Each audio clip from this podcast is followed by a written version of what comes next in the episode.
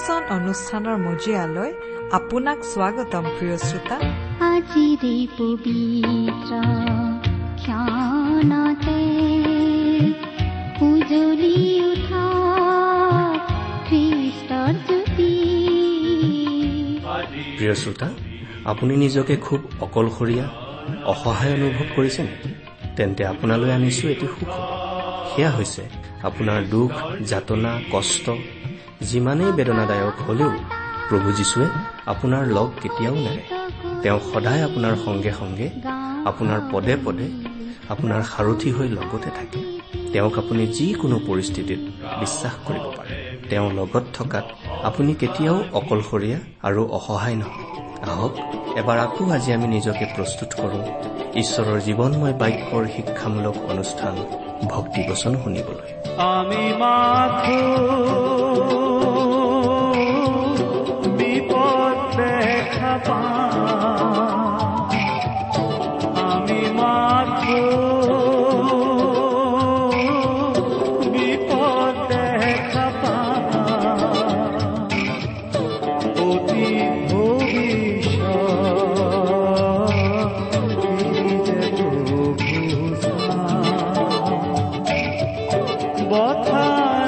নাই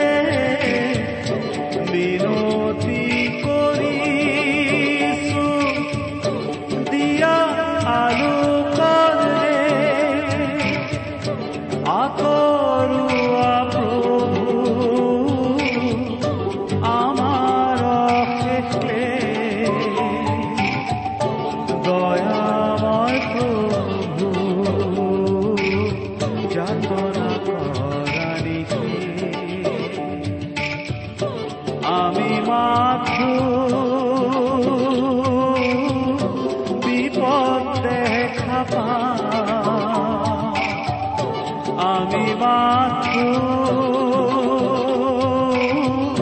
বিপদ দেখা পাই। অতীত ভবিষ্যৎ এই যে প্রভু চাও। বথা নাই যে ভঙা আমার নাম। বথা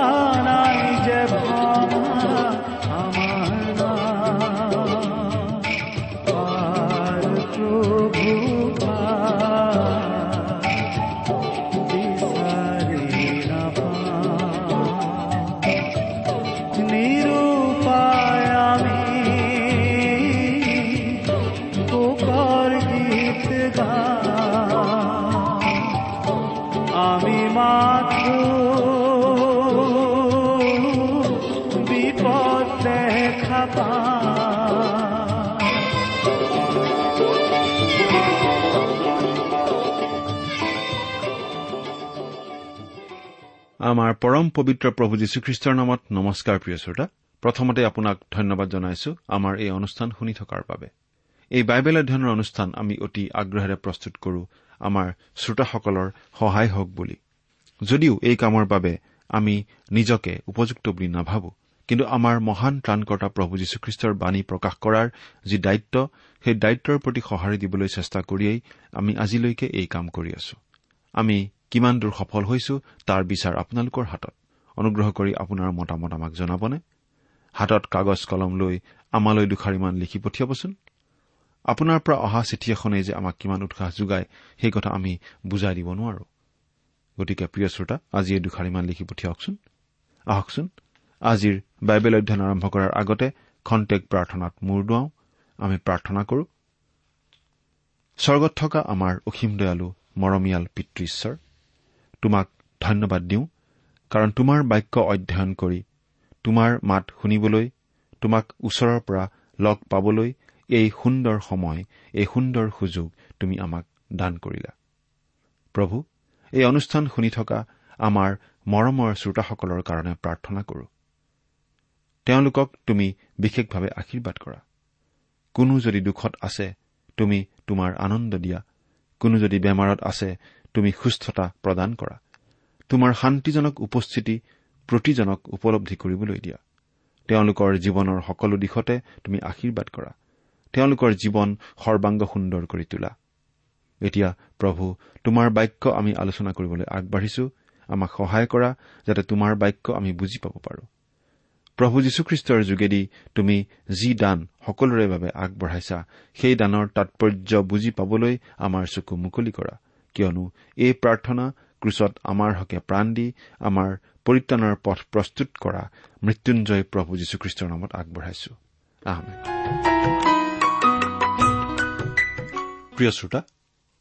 আমি আজি ভালেমান দিন ধৰি বাইবেলৰ পুৰণি নিয়ম খণ্ডৰ গীতমালা নামৰ অতি দীঘল পুস্তক এখনৰ অধ্যয়ন চলাই আছিলো। নহয় জানো?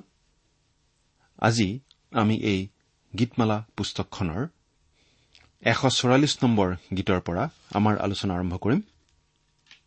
প্ৰথম পদটো পঢ়ি দিছো। যিজনাই মোৰ হাতক যুদ্ধ কৰিবলৈ আৰু মোৰ আঙুলিক ৰণ কৰিবলৈ শিকায় এই কথাখিনি শুনাৰ লগে লগে কোনোবাই হয়তো জাপ মাৰি উঠিব আৰু কব চোৱা পুৰণি নিয়মৰ ঈশ্বৰ যুদ্ধপ্ৰিয় ঈশ্বৰ। কিন্তু সেইটো আচলতে সঁচা নহয়।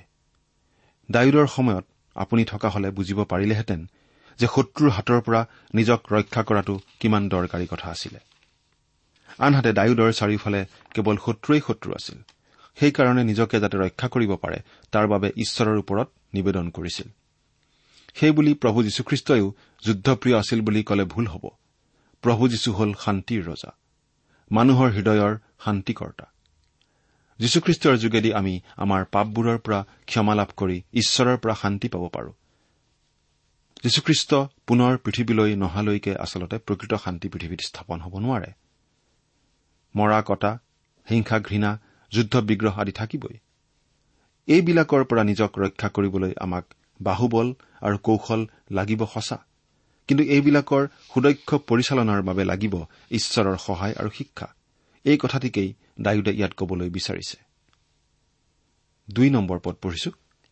যিজনা মোক দয়া কৰোতা আৰু মোৰ কোঠ মোৰ উচ্চ দুৰ্গ আৰু মোৰ উদ্ধাৰকৰ্তা মোৰ ঢাল আৰু আশ্ৰয়স্থান যিজনাই মোৰ প্ৰজাবিলাকক মোৰ বশীভূত কৰে সেই মোৰ শিলা জিহুৱা ধন্য হওক।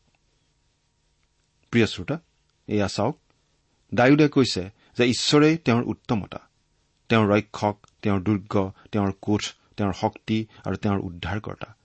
ঠিক সেইদৰে আমিও যদি কওঁ যে ঈশ্বৰেই আমাৰ সৰ্বে সৰ্বা তেন্তে তেওঁ আমাৰ ওপৰত পৰম সন্তুষ্ট হ'ব আৰু তেওঁ আমাৰ সৰ্বে সৰ্বা হৈ আমাক চলাব। তিনি আৰু চাৰি নম্বৰ পদ। হে যি হোৱা তুমি যে মানুহৰ বুজ বিচাৰ লোৱা মানুহনো কি? আৰু মনুষ্যৰ সন্তানক যে গণ্য কৰা তাৰ সন্তানেই বা কি? মানুহ ভাৱস্বৰূপ তাৰ আয়ুস গুচি যোৱা ছাৰ নিচিনা। এই কথাটো চিন্তা কৰিবলগীয়া যে ঈশ্বৰ সৰ্বে সৰ্বা হৈও মানুহৰ বুজ বিচাৰ কিয় লয় বাৰু? ইয়াৰ কাৰণ এয়েই যে ঈশ্বৰ অবিহনে মানুহৰ কোনো অৰ্থ আৰু উদ্দেশ্য নাই। আনকি মানুহৰ অস্তিত্বও নাই। কিছুমানে অৱশ্যে টকা পইচা ধন সম্পত্তিকেই জীৱনৰ উদ্দেশ্য বুলি ভাবি ল'ব পাৰে। এয়া সঁচা হলে ধনী মানুহে কেতিয়াও আত্মহত্যা নকৰিলেহেঁতেন। তাৰোপৰি জগতত থকা দিনকেইটাহে ধন সম্পত্তিৰ অৰ্থ থকা যেন লাগে। কিন্তু মৃত্যুৰ পাছত ইয়াৰ কোনো অৰ্থ নাথাকে। তেতিয়া অৰ্থ থাকিব কেৱল ঈশ্বৰৰ লগত জীৱনৰহে। সেইকাৰণে ডায়ুদে কৈছে যে ঈশ্বৰ অবিহনে তেওঁৰ জীৱন অৰ্থহীন। পাঁচ নম্বৰ পদ হে যি হোৱা তোমাৰ আকাশমণ্ডল ধোঁৱাই নামি আহা। পৰ্বতবোৰ স্পৰ্শ কৰা তাতে সেইবোৰ ধোঁৱাব। এই পদটোত কোৱাৰ দৰে ঈশ্বৰ এতিয়াও নামি অহা নাই। কিন্তু এদিনাখন নিশ্চয় নামি আহিব। আৰু এই কথাটো যিচয়া পুস্তকৰ চৌষষ্ঠি নম্বৰ অধ্যায়ৰ এক আৰু দুই নম্বৰ পদত খাটাংকৈ কোৱা হৈছে। অহ তুমি আকাশমণ্ডল বিদাৰি নামি আহিলে পৰ্বতবোৰ তোমাৰ সাক্ষাতে দ্ৰৱ হৈ গলে কেনে ভাল আছিল? জাতিবিলাকে তোমাৰ সাক্ষাতে কঁপিবৰ নিমিত্তে তোমাৰ শত্ৰুবোৰৰ আগত তোমাৰ নাম জ্বলাবলৈ অগ্নিয়ে জেং খৰি পুৰাৰ নিচিনাকৈ আৰু জুয়ে পানী উতলোৱাৰ নিচিনাকৈ তুমি নামি আহিলে কেনে ভাল আছিল? প্ৰিয় শ্ৰোতা এদিন ঈশ্বৰ তেনেদৰে আহিব। ছয়ৰ পৰা আঠ নম্বৰ পদলৈকে পঢ়িছো। বজ্ৰপাত কৰি সিহঁতক গোট গোট কৰা তোমাৰ বান মাৰি সিহঁতক ব্যাকুল কৰা ওপৰৰ পৰা তোমাৰ হাত মেলি মোক সুস্থ কৰা আৰু মহাজলৰ পৰা মোক উদ্ধাৰ কৰা যিবোৰৰ মুখে অসাৰ কথা কয় আৰু যিবোৰৰ সোঁহাত মিছা কথাৰ সোঁহাত এনে পৰজাতীয়বোৰৰ হাতৰ পৰা মোক ৰক্ষা কৰা। প্ৰিয় শ্ৰোতা প্ৰভু যীশুখ্ৰীষ্টই এদিনাখন ভয়ংকৰ ৰূপ লৈ জগতৰ বিচাৰ কৰিবলৈ আহিব। তেওঁৰ বিচাৰ ন্যায় আৰু সত্য হ'ব। তেওঁৰ বিচাৰৰ পৰা কোনো হাত সাৰিব নোৱাৰিব। দহ পদৰ পৰা তেৰ নম্বৰ পদ। তেওঁৱেই ৰজাবিলাকক পৰিত্ৰাণ দিয়ে।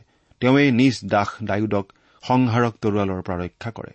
যিবোৰৰ মুখে অসাৰ কথা কয় আৰু যিবোৰৰ সোঁহাত মিছা কথাৰ সোঁহাত এনে পৰজাতীয়বোৰৰ হাতৰ পৰা মোক উদ্ধাৰ কৰা মোক ৰক্ষা কৰা। আমাৰ পুত্ৰবিলাক ডেকাকালত বাঢ়ি যোৱা গছপুলিৰ নিচিনা আৰু আমাৰ জীয়াৰীবিলাক অট্টালিকা সুন্দৰ কৰিবলৈ চুকৰ সুখ গঠিত হোৱা স্তম্ভৰ সদৃশ। আমাৰ ভঁৰালবোৰ পৰিপূৰ্ণ সকলো প্ৰকাৰ দ্ৰব্য প্ৰদায়ক। আমাৰ পথাৰত মেৰৰ জাকবিলাকে হাজাৰ হাজাৰ আৰু অজুত অজুত পোৱালি যোগায়। ঈশ্বৰৰ পৰাক্ৰমৰ কথা কৈ কৈ শেষ কৰিব নোৱাৰি। আজি আমি এই কথা স্বীকাৰ নকৰিলেও এদিনাখন নিশ্চয় আমি স্বীকাৰ কৰিব লাগিব।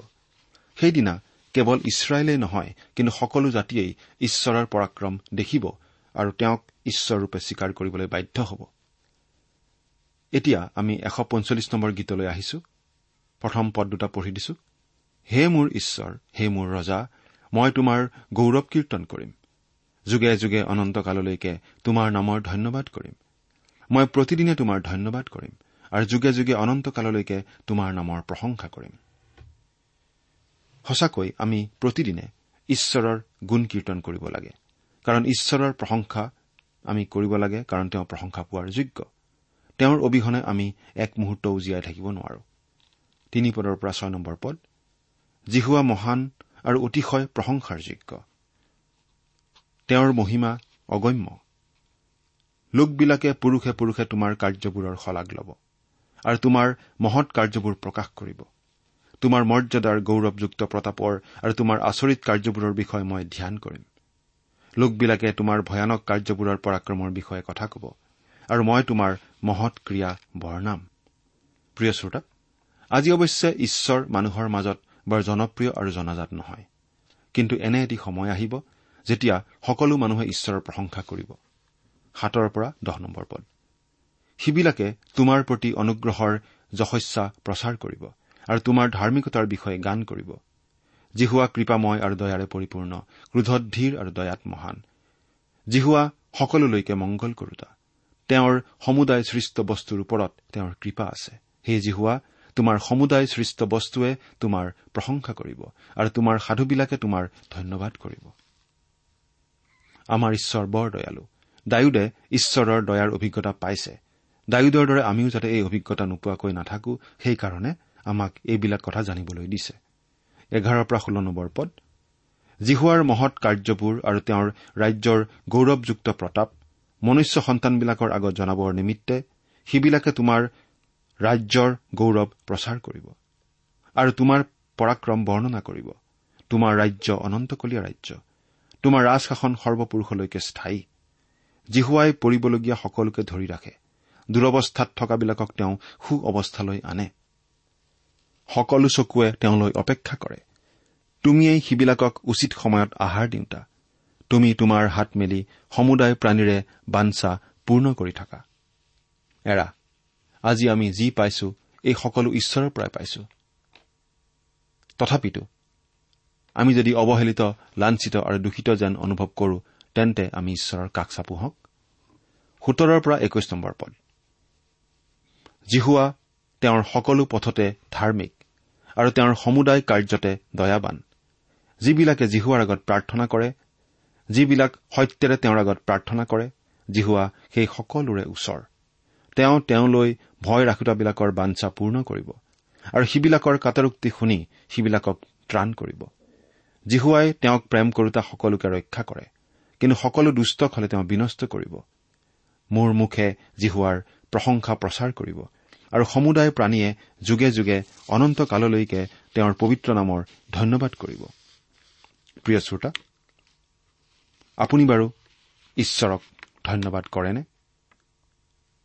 এতিয়া আমি এশ ছিয়াল্লিছ নম্বৰ গীতলৈ আহিছো। ইয়াৰ মূল বিষয়ো হ'ল ঈশ্বৰৰ প্ৰশংসা কৰা। এক আৰু দুই নম্বৰ গীতটো পাঠ কৰিছো। তোমালোকে জিহুৱাৰ প্ৰশংসা কৰা। হে মোৰ মন জিহুৱাৰ প্ৰশংসা কৰা। মোৰ আয়ুস থাকে মানে মই জিহুৱাৰ প্ৰশংসা কৰিম। জীয়াই থাকো মানে মোৰ ঈশ্বৰৰ উদ্দেশ্যে প্ৰশংসাৰ গান কৰিম। এয়া অতি সহজ কথাৰে কোৱা হৈছে গতিকে আমি আন্তৰিক আৰু কৃতজ্ঞতাৰে ঈশ্বৰৰ প্ৰশংসা কৰিব লাগে। তিনি আৰু চাৰি নম্বৰ পদ। তোমালোকে অধিপতিবিলাকৰ ওপৰত ভাৰসা নকৰিবা। নিঃসহায় মনুষ্য সন্তানত আশা নকৰিবা। তাৰ উশাহ বাহিৰ হলেই সি পুনৰাই মাটিত লীন হয়। আৰু সেইদিনাই তাৰ সংকল্পবোৰ নষ্ট হয়। এই কথা কিমান সঁচা? আমি মনুষ্য সন্তানৰ ওপৰত আশা কৰিব নালাগে। মানুহ ক্ষণস্থায়ী। প্ৰিয় শ্ৰোতা আমি মানুহৰ ওপৰত ভৰসা নকৰি ঈশ্বৰৰ ওপৰত ভৰসা কৰিব লাগে। কিন্তু এইখিনিতে আমি এটা কথা কৈ থব খুজিছো। বাইবেলত খ্ৰীষ্টক মানুহৰ পুত্ৰ বুলি উল্লেখ কৰা হৈছে। তাৰমানে আমি এই কথা কোৱা নাই যে আমি খ্ৰীষ্টৰ ওপৰত ভৰসা কৰিব নালাগে। তেওঁ আচলতে স্বয়ং ঈশ্বৰ হৈও মানুহৰ ৰূপ ধাৰণ কৰি এই পৃথিৱীলৈ আহিছিল বাবেই তেওঁক মানুহৰ পুত্ৰ বুলি কোৱা হৈছিল। আৰু তেওঁ মানুহৰ পুত্ৰ হিচাপে এই পৃথিৱীলৈ এইকাৰণেই আহিছিল যাতে মানুহৰ মুক্তিৰ বাবে তেওঁ ক্ৰুচৰ ওপৰত নিজৰ প্ৰাণ অৰ্পণ কৰিব পাৰে আৰু তাকে কৰি মানুহৰ সকলো পাপৰ প্ৰায়চিত্ৰ কৰিব পাৰে যাতে তেওঁত বিশ্বাস কৰি মানুহে নিজৰ নিজৰ পাপৰ প্ৰায়চিত্ৰ লাভ কৰি ঈশ্বৰৰ দৃষ্টিত ধাৰ্মিক বুলি পৰিগণিত হ'ব পাৰে। গতিকে আমি সেইজনহে প্ৰকৃত মনুষ্য পুত্ৰ অৰ্থাৎ যীশুখ্ৰীষ্টত বিশ্বাস কৰিব লাগে। পাঁচ নম্বৰ পদৰ পৰা আঠ নম্বৰ পদলৈ চাওঁ হওক। জাকুবৰ ঈশ্বৰ যাৰ সহায় সেইজন ধন্য। আকাশমণ্ডল আৰু পৃথিৱীৰ সৃষ্টিকৰ্তা সমুদ্ৰ আৰু তাত থকা সকলোৰে নিৰ্মাণকৰ্তা চিৰকাললৈকে সত্যতা ৰাখোতা উপদ্ৰৱ পোৱাবিলাকৰ নিমিত্তে ন্যায় বিচাৰ কৰোতা ক্ষুধাতুৰবিলাকক আহাৰ দান কৰোতা সেই ঈশ্বৰ জিহুৱাত যাৰ আশা থাকে সেইজন ধন্য। জিহুৱাই বন্দিয়াৰবোৰক মুক্ত কৰে। জিহুৱাই অন্ধলাৰ চকু মুকলি কৰে। দুৰৱস্থাত থকাবিলাকক জিহুৱাই সু অৱস্থালৈ আনে। জিহুৱাই ধাৰ্মিকবিলাকক প্ৰেম কৰে। আমাৰ সৃষ্টিকৰ্তা ঈশ্বৰেই হ'ল আমাৰ আশা আৰু সহায়। তেওঁৰ ওপৰত যদি আপুনি আশা কৰে তেন্তে আপুনি কেতিয়াও নিৰাশ হবলগীয়া নহ'ব। ন আৰু দহ নম্বৰ পদ। জিহুৱাই বিদেশীবিলাকক ৰক্ষা কৰে। তেওঁ পিতৃহীনক আৰু বিধৱাক ধৰি ৰাখে। কিন্তু দুষ্টবোৰৰ পথ বিঘিনিযুক্ত কৰে। জিহুৱাই অনন্তকাল ৰাজত্ব কৰিব। হে চিউন তোমাৰ ঈশ্বৰে পুৰুষানুক্ৰমে ৰাজ শাসন কৰিব। তোমালোকে জিহুৱাৰ প্ৰশংসা কৰা। প্ৰিয় শ্ৰোতা ঈশ্বৰেই সৃষ্টিকৰ্তা আৰু সৃষ্টিকৰ্তাই হ'ল সৃষ্টিৰ উদ্ধাৰকৰ্তা। আপুনি যদি নিজকে ঈশ্বৰৰ সৃষ্টি বুলি বিশ্বাস কৰে তেন্তে সেই উদ্ধাৰকৰ্তাক আপোনাক লাগিবই। উদ্ধাৰ মানে প্ৰভু যীশুখ্ৰীষ্টৰ যোগেদি পৰিত্ৰাণ আৰু পৰিত্ৰাণ মানে হৈছে অনন্ত জীৱন। অৰ্থাৎ চিৰদিনৰ বাবে সুখ শান্তি আনন্দ প্ৰেম ইত্যাদি কৰি আপোনাৰ আত্মাই যদি বিচাৰে সেই সকলোখিনি প্ৰভু যীশুত আপুনি পাব। সেই সকলোখিনি দিবলৈ প্ৰভু যীশুৱে প্ৰতিজ্ঞা কৰি থৈছে। আপুনি প্ৰভু যীশুৰ ওচৰলৈ আহিছেনে? এতিয়া আমি এশ সাতচল্লিছ নম্বৰ গীতৰ আলোচনা আৰম্ভ কৰিব খুজিছো। এই এশ সাতচল্লিছ নম্বৰ গীতৰ মূল কথা হ'ল পৃথিৱী আৰু জিৰচালেমৰ ওপৰত ঈশ্বৰৰ মংগলৰ কাৰণে এটি সমবেত গীত। এতিয়া এই গীতৰ প্ৰথম পদ দুটা পাঠ কৰি দিছো শুনিবচোন। তোমালোকে জিহুৱাৰ প্ৰশংসা কৰা কিয়নো আমাৰ ঈশ্বৰৰ উদ্দেশ্যে প্ৰশংসাৰ গীত গোৱা উত্তম কাৰণ সেয়ে সন্তোষজনক প্ৰশংসাৰ উপযুক্ত।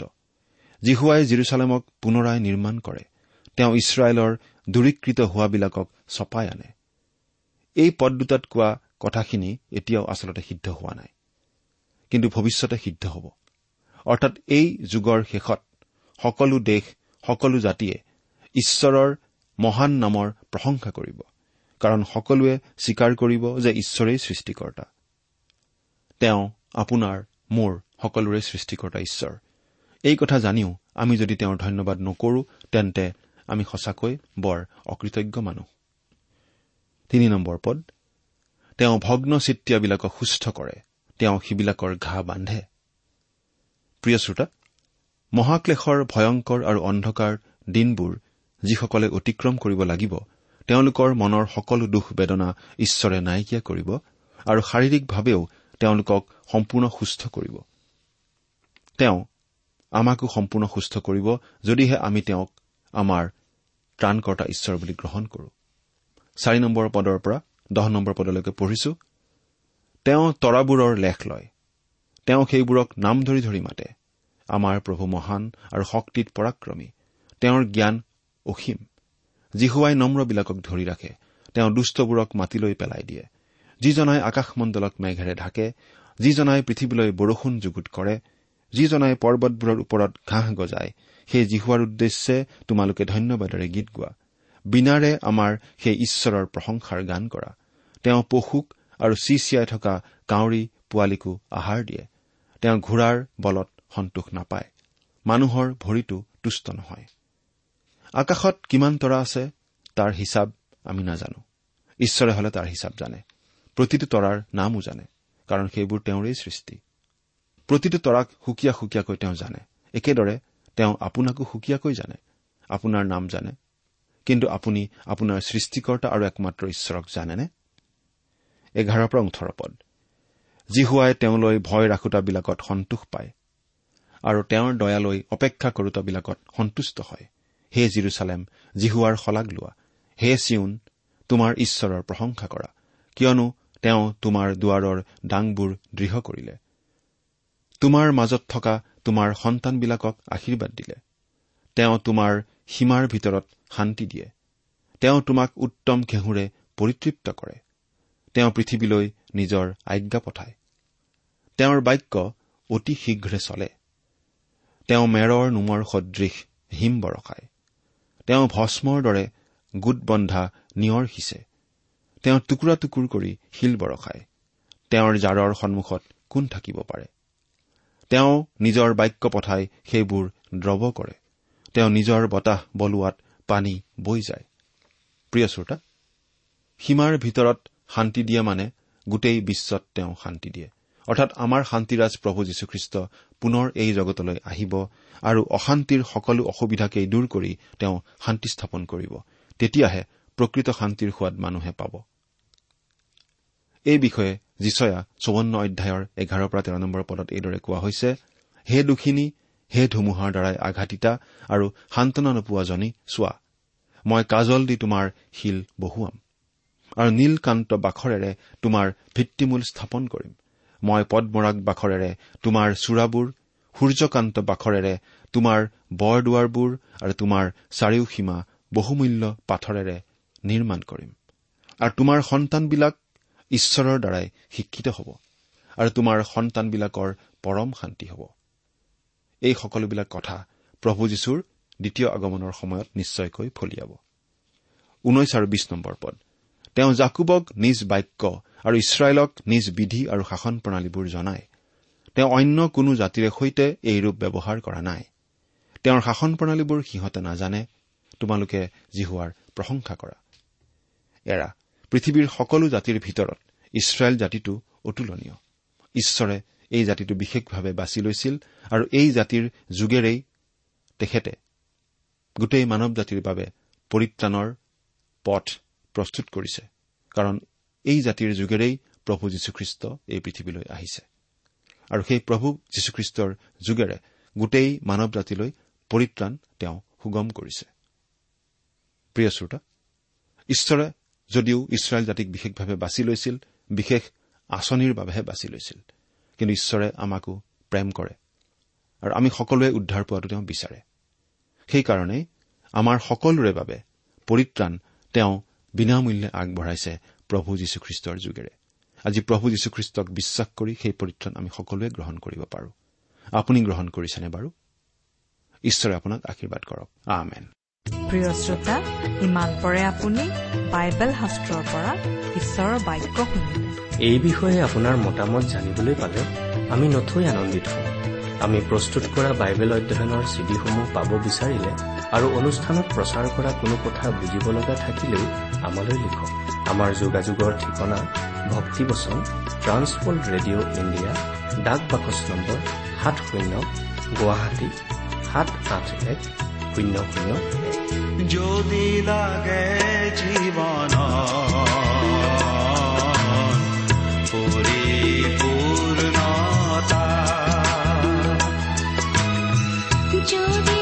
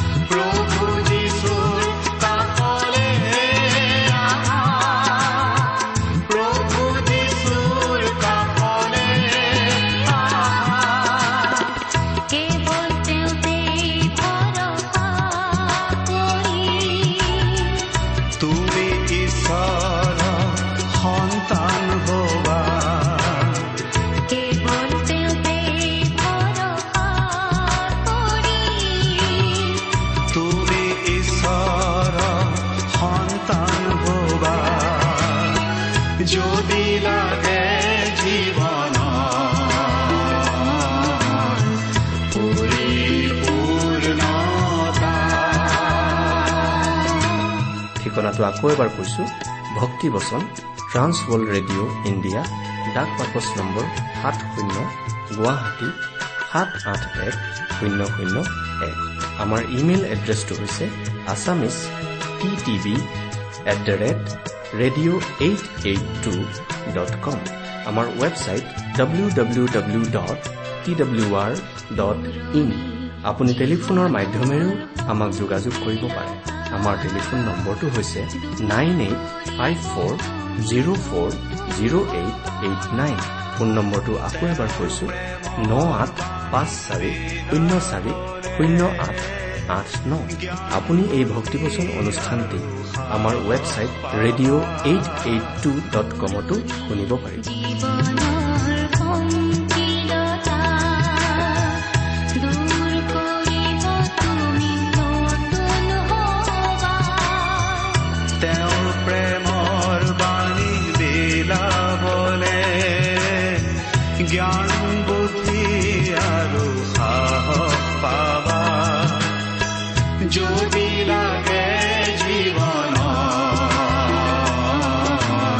আজিৰ অনুষ্ঠানটি ইমানতেই সামৰিছো। ঈশ্বৰৰ শান্তি আৰু অনুগ্ৰহ আপোনাৰ লগত থাকক।